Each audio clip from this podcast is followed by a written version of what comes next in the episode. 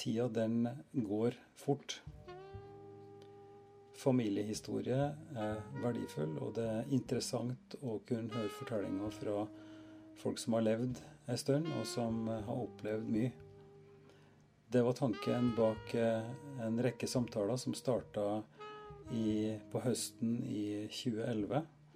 Og det var hun mor Åse Flaten og jeg, Ivar, som hadde samtalene.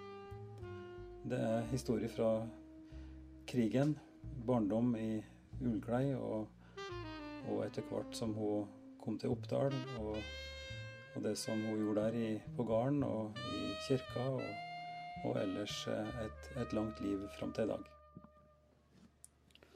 Historia starter på gården Ulekleiv, som ligger noen kilometer sør for Dombås eh, sentrum. Og naturligvis etter hvert på gymnaset på Vinstra og på de arbeidsplassene hun har, og til slutt i Oppdal gjennom mesteparten av fortellingene. På Ulekleiv så vokste opp ni søsken pluss en fosterbror. Det var ikke store forhold, eh, og på den tida som fortellinga vår starta opp, så var det allerede flere av faktisk de fleste av søsknene som har flytta ut for å komme på skole.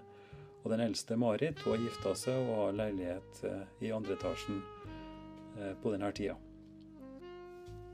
Da Åse Ulekleiv kom til Oppdal, så ble hun gift med en Ingvar Flaten og ble etter hvert gardkjerring på utestund på Håkåran.